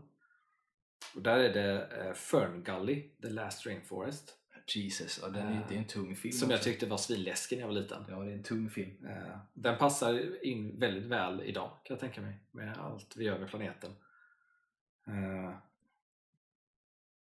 Och sen är det An American Tale. Eh, Ja. Tale som svans på svenska. Ja, Vad fan heter den på svenska? Filmen kommer inte. Den heter... eh, Jag kommer inte ihåg vad den heter på svenska. Vadå? Det är inte Fivel eller? Det är Fivel ja, Ja. just det. Eh, Och där är det ju, det är ju Coming to America fast tecknad typ. Ja, det är ju eh, i princip så handlar det, det är ju judiska Det är- ja. immigranter det Ja. handlar om. Fast de är möss. Fast, fast de är möss då och, och flyr då. Så att, och den är Det också finns det även en uppföljare som är bra som handlar om under vilda I västern. Vilda Västern ja, den Det är är också också bra, jag håller med dig. Det är verkligen, det är sjuk nostalgi. Ja. Alltså som man, från man var liten. Ja. Jesus. Ja. Eh, sen the, the Land Before Time, eller Landet för länge sedan. Det var kul att du har med den, för det var precis den. I, igår kväll när jag satt och funderade så var det så här, just det, landet för länge sedan. Undrar om han kommer ha med den? Också svinbra film. Och det gjordes ju, det Också finns ju så här, landet för länge sedan, som det finns, ju, det finns ju så här landet för länge sedan, typ 13 eller någonting. Ja, det det finns ju hur många som helst, men det är framförallt den första ja. som är så jävla bra. Ja. Också sorglig och hemsk. Jättesorglig. Eh, det är också många av de här 2D-animerade som kom samtidigt som Disneys 2D-animerade var stora. Alla de lutas ju in mer åt vuxna för att de behövde ju eh, ja, de, de kunde inte komma in på Disneys marknad på samma sätt så de lutas ju in lite i mörkare teman och lite mörkare berättelser. Sen är det en film som heter We're Back A Dinosaur's Story just som handlar om eh, dinosaurier som eh, hämtas från eh, 65 miljarder eller miljoner år sedan, år sedan. Ja, och blir smarta och hamnar i nutid. Där de träffar en pojke och, och en flicka tror jag. Och där det då är en, en vetenskapsman som, som är liksom ansvarig för det. Eh, den är också intressant för den är ju producerad av Steven Spielberg har jag för mig. Ja, det stämmer nog. Eh, och kom ut lite efter Jurassic Park typ. Ja, när dinosaurier var som störst. Just det. Eh, också så här sorglig film, fast den slutar ju bra. Men det är, också, det är mycket så här djupa teman och, och hemskt med den här cirkusen där de blir förslavade, de här dinosaurierna. Jesus, den hade vi på VHS kommer jag ihåg. Den var ju jävligt, den är bra. Fast det bra. låter supertöntigt men den är jävligt bra. Eh, och sen en annan är eh, Titan AI eller Titan AI. Mm, en av mina favoriter. Som Sjukt bra soundtrack till den måste jag bara säga. Ja, jättebra soundtrack. Jävlar. Också en sån film som kom i fel tid. Den kom samtidigt som liksom 2D började fasas ut. Också inte, liksom, det är inte musik, alltså det är inte musikal så att det är liksom folk som är intresserade av Disney vill inte riktigt se den här kanske. Så den är en väldigt underskattad film. Ja, och den har också att bra. göra med för människan flyr ju, den börjar också med människan flyr vår planet för att vi har sabbat den. Så den har ju också ett sånt tema som ändå är, är bra i det. Så har du Matt Damon Matt och så har du. John, Leg- John Leguizamo eh, som har röstat och sånt. Sjukt, sjukt bra underskattat. Drew Barrymore eh, Ja. också en av rösterna. Eh, Så det var de som jag liksom eh, i den kategorin som jag, det var länge sedan jag såg så jag visste inte vart jag skulle placera dem. Men som är bra. Och sen så har jag bara några som inte kom med på listan som jag alla tycker är bra filmer. Eh, och det är Tarzan, Disneys Tarzan. Som också är underskattad Också på grund av att den kom lite för sent. Ja, och den är ju lite sådär, den är också halv eh, 3D Ja, det är 3D, de i ta in den som 3D finns där också, ja. Eh, också bra soundtrack som man säger, Phil Ja, Collins. jättebra. Eh, jättebra. Eh, och sen, eh, jag tar Disney- Disney-filmen först. här. Sen är det Hercules, det tycker jag också är en bra eh, Disney-film. Också bra musik. Mm. Eh, sen är det Ringen Notre Dame. Också fin. Svin, svinbra film. Också så här så mycket som jag tycker om med det här. Vad, vad är det att vara god och människa och allt sånt där. Ehm, också så jävla mycket mörkare typ än vad jag kommer ihåg när jag var liten. Man märker vad mycket man missar. Mm. Tittar man på den i vuxen ålder så märker man hur ännu mer obehaglig huvudantagonisten är den. Mm. Alltså, ja, han- Kardinal Richelieu. Ja, han är ju som så obehaglig. Han, Alltså, han är obehaglig. Ja. Eh, och Aladdin. Eh, också en svinbra film. Jag tycker att liksom, den är också, det är en av de här filmerna som jag faktiskt inte, jag tycker den svenska översättningen är bra men jag vill inte se den svenska för att jag tycker att Robin Williams är så jävla bra eh, som anden. Jag kommer inte ihåg vem som spelar anden i den svenska, men jag tycker att han är bra också. Eh, och det är så här, ja, när jag tittar på Aladdin så vill jag inte gå miste om Robin Williams i den. Och att, att han är, alla, alltså, anden är ju Robin Williams. Liksom. Nej, jag fattar vad du menar. Jag tycker att den svenska anden är bra också. Jag bara hör rösten tänker på att är det typ, alltså, jag tänker så att det låter som typ Dan Ekborg eller något där. Jag undrar vem det är. Måste kolla det. Men eh, ja, det var i alla fall de här som jag tycker som är Disney. Sen har jag eh, en annan 2D-animerad film som inte Jaha, är Disney. Dan Ekborg var det ska jag säga som har Det röstat det. till. eh, Ja. Eh, sen har jag två andra 2D-animerade filmer som inte är Disney. Och den ena är, är El Dorado. Mm. Eh, svinbra film. Mm, Eh, också bra soundtrack i. Mm. Och sen är det samma, jag tror det är Dreamworks, nästa är också Dreamworks tror jag, och det är Prinsen av Egypten. Mm, också bra. Eh, Whitney Houston och Mariah Carey som gör Ja. eh, det ledmotivet, där, som också är sjukt bra. Det är ett jättebra ledmotiv. Och en film som jag, jag får rysningar varje gång när han träffar på den brinnande busken och pratar med Gud. Alltså det, det är en sån där, varje gång jag bara tänker på det så får jag sådana rysningar för de har gjort det så jävla väl i den. Det är en sån scen som lever med mig otroligt starkt. Sjukt bra gjort. Eh, och sen har jag några stop motion som jag bara tänkte nämna. Och den ena är Isle of Dogs som är Wes Andersons Mm. andra stop motion film. Eh, jag älskar ju hundar så att det handlar ju om hundar. så att, eh, och sen är det Tim Burtons Corpse Bride. Eh, och Tim Burtons Frankenweenie som är en remake av hans kortfilm han gjorde för massa Mm. år sedan. Eh, och sen är det Coraline som jag nämnde förut, som är Laika som har gjort. Mm. Och även en annan Laika-film som jag tycker är jävligt bra, eh, som också fick väldigt, tror den kan ha vunnit bästa animation men jag är osäker. Ehm, och det är Kubo and the Two Strings. Den är, jä- den är jävligt bra. Mm. Eh, gillar, Mm. gillar, man, gillar man stop motion och martial arts och typ anime och Asien så kommer man gilla Kubo and the Two Strings. Ja, jag har inte sett den, jag vet vilken det är typ, men jag har inte sett den själv. Den kanske man skulle se. Ja, den är jättebra. Det var hedersomnämnarna. Kul, bra lista, mycket att säga om tecknad film helt enkelt. Eh, kan man säga. Men då släpper vi det helt enkelt. Ja. Och så går vi in på vårt tema som eh, nu har jag ju på egen hand döpt om det här temat, eller den här leken som vi har i slutet.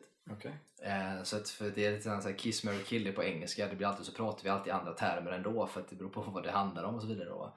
Eh, så att det, det som jag kallar det istället nu då, eh, för att det blir lite lättare att förhålla sig till dessutom, är att vi kallar det för öde ö, fredagsmys eller skräp.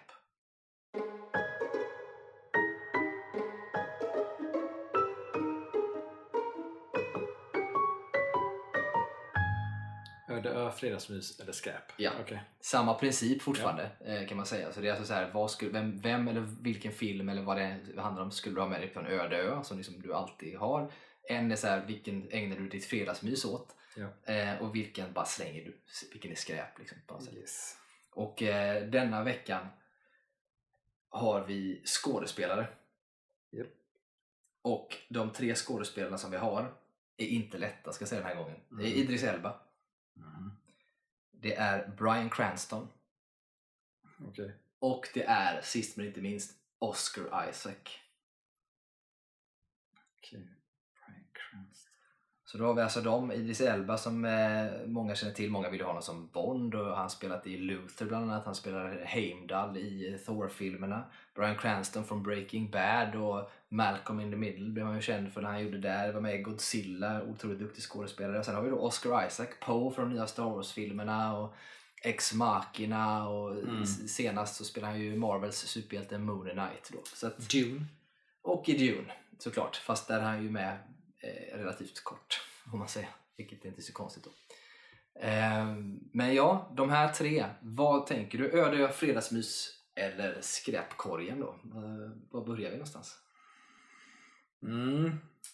Jag... Eh, den är svår men ändå enkel på något sätt. Jag, eh, Öde ö blir eh, Bryan Cranston. Mm. Eh, han kan jag hänga med eh, i solidaritet och eh, ensamhet på lördag. Det blir jättebra. Eh, sen blir eh, Fredagsmyset blir Idris Elba. För han är, han är så jävla duktig. Han är så jävla bra. Och egentligen så, så Oscar Isaac han blir skräp bara på grund av att han inte får plats någonstans. Men eh, för han hade lika gärna kunnat vara fredagsmys han med. Men eh, det blir Idris Elba som fredagsmyset. Och så får Oscar Isaac tyvärr hamna i papperskorgen. Ja, stackarn. Ja. Ja, jag tänker, alltså jag håller helt med till viss eller till stor, eh, egentligen har jag tänkt ungefär likadant men jag tänker nog ändå så här, öde ö, man ska ändå klara sig ett tag och så tänker jag nu tänker jag så här rent fysiskt på dem. Brian Cranston är en liten gubbe, Oscar Isaac är ganska så här kort och liten. Idris Elba han har ändå lite liksom muskler och är stor. Eh, Så tänker jag att han, han och jag på en öde ö, det löser vi. Så jag tar med mig Idris dit helt enkelt. Eh, sen fredagsmys så är det, står det ju och väger lite grann för jag tänker mig att både Brian Cranston och, eh, och även eh, Oscar Isaac är rätt mysiga. Sådär, liksom. Så tänker jag man kan hänga med lite så. Sen, eh, men sen så tänker jag ändå lite grann att Oscar Isaac, ja, jag gillar honom, tycker han är så charmig. Alltså, det är inte, Bryan Cranston är ju också det på andra sätt och vis. Eh, egentligen. Men sen så är det så att Oscar Isaac han spelar i Star Wars, vilket jag älskar. Jag älskar Star Wars. Och det är, han spelar i M- eh, Marvel och han har alla de här bitarna. Vilket, det hade jag verkligen kunnat tänka mig. Du vet, att bara liksom sitta och Mm. prata om och alla de här sakerna. Så jag tänker mig att han får nog bli fredagsmys. Vilket gör att Bryan Cranston då hemskt nog hamnar i papperskorgen. Det är en skådespelare som jag egentligen gillar. Det är bara det att han har inte gjort någonting som jag har fastnat jättemycket för. Mm. På, eh, på grund av honom. Så. Breaking Bad tycker många om. Jag själv Eh, har inte se- sett klart den. Jag har försökt men jag har inte kunnat och det kan man tycka vad man vill om eh, egentligen. Men jag tycker inte att den, det jag har sett tycker jag inte att den är så bra som folk tycker att den är. För jag tror att den är bra. Det är bara att jag inte tycker att den är det.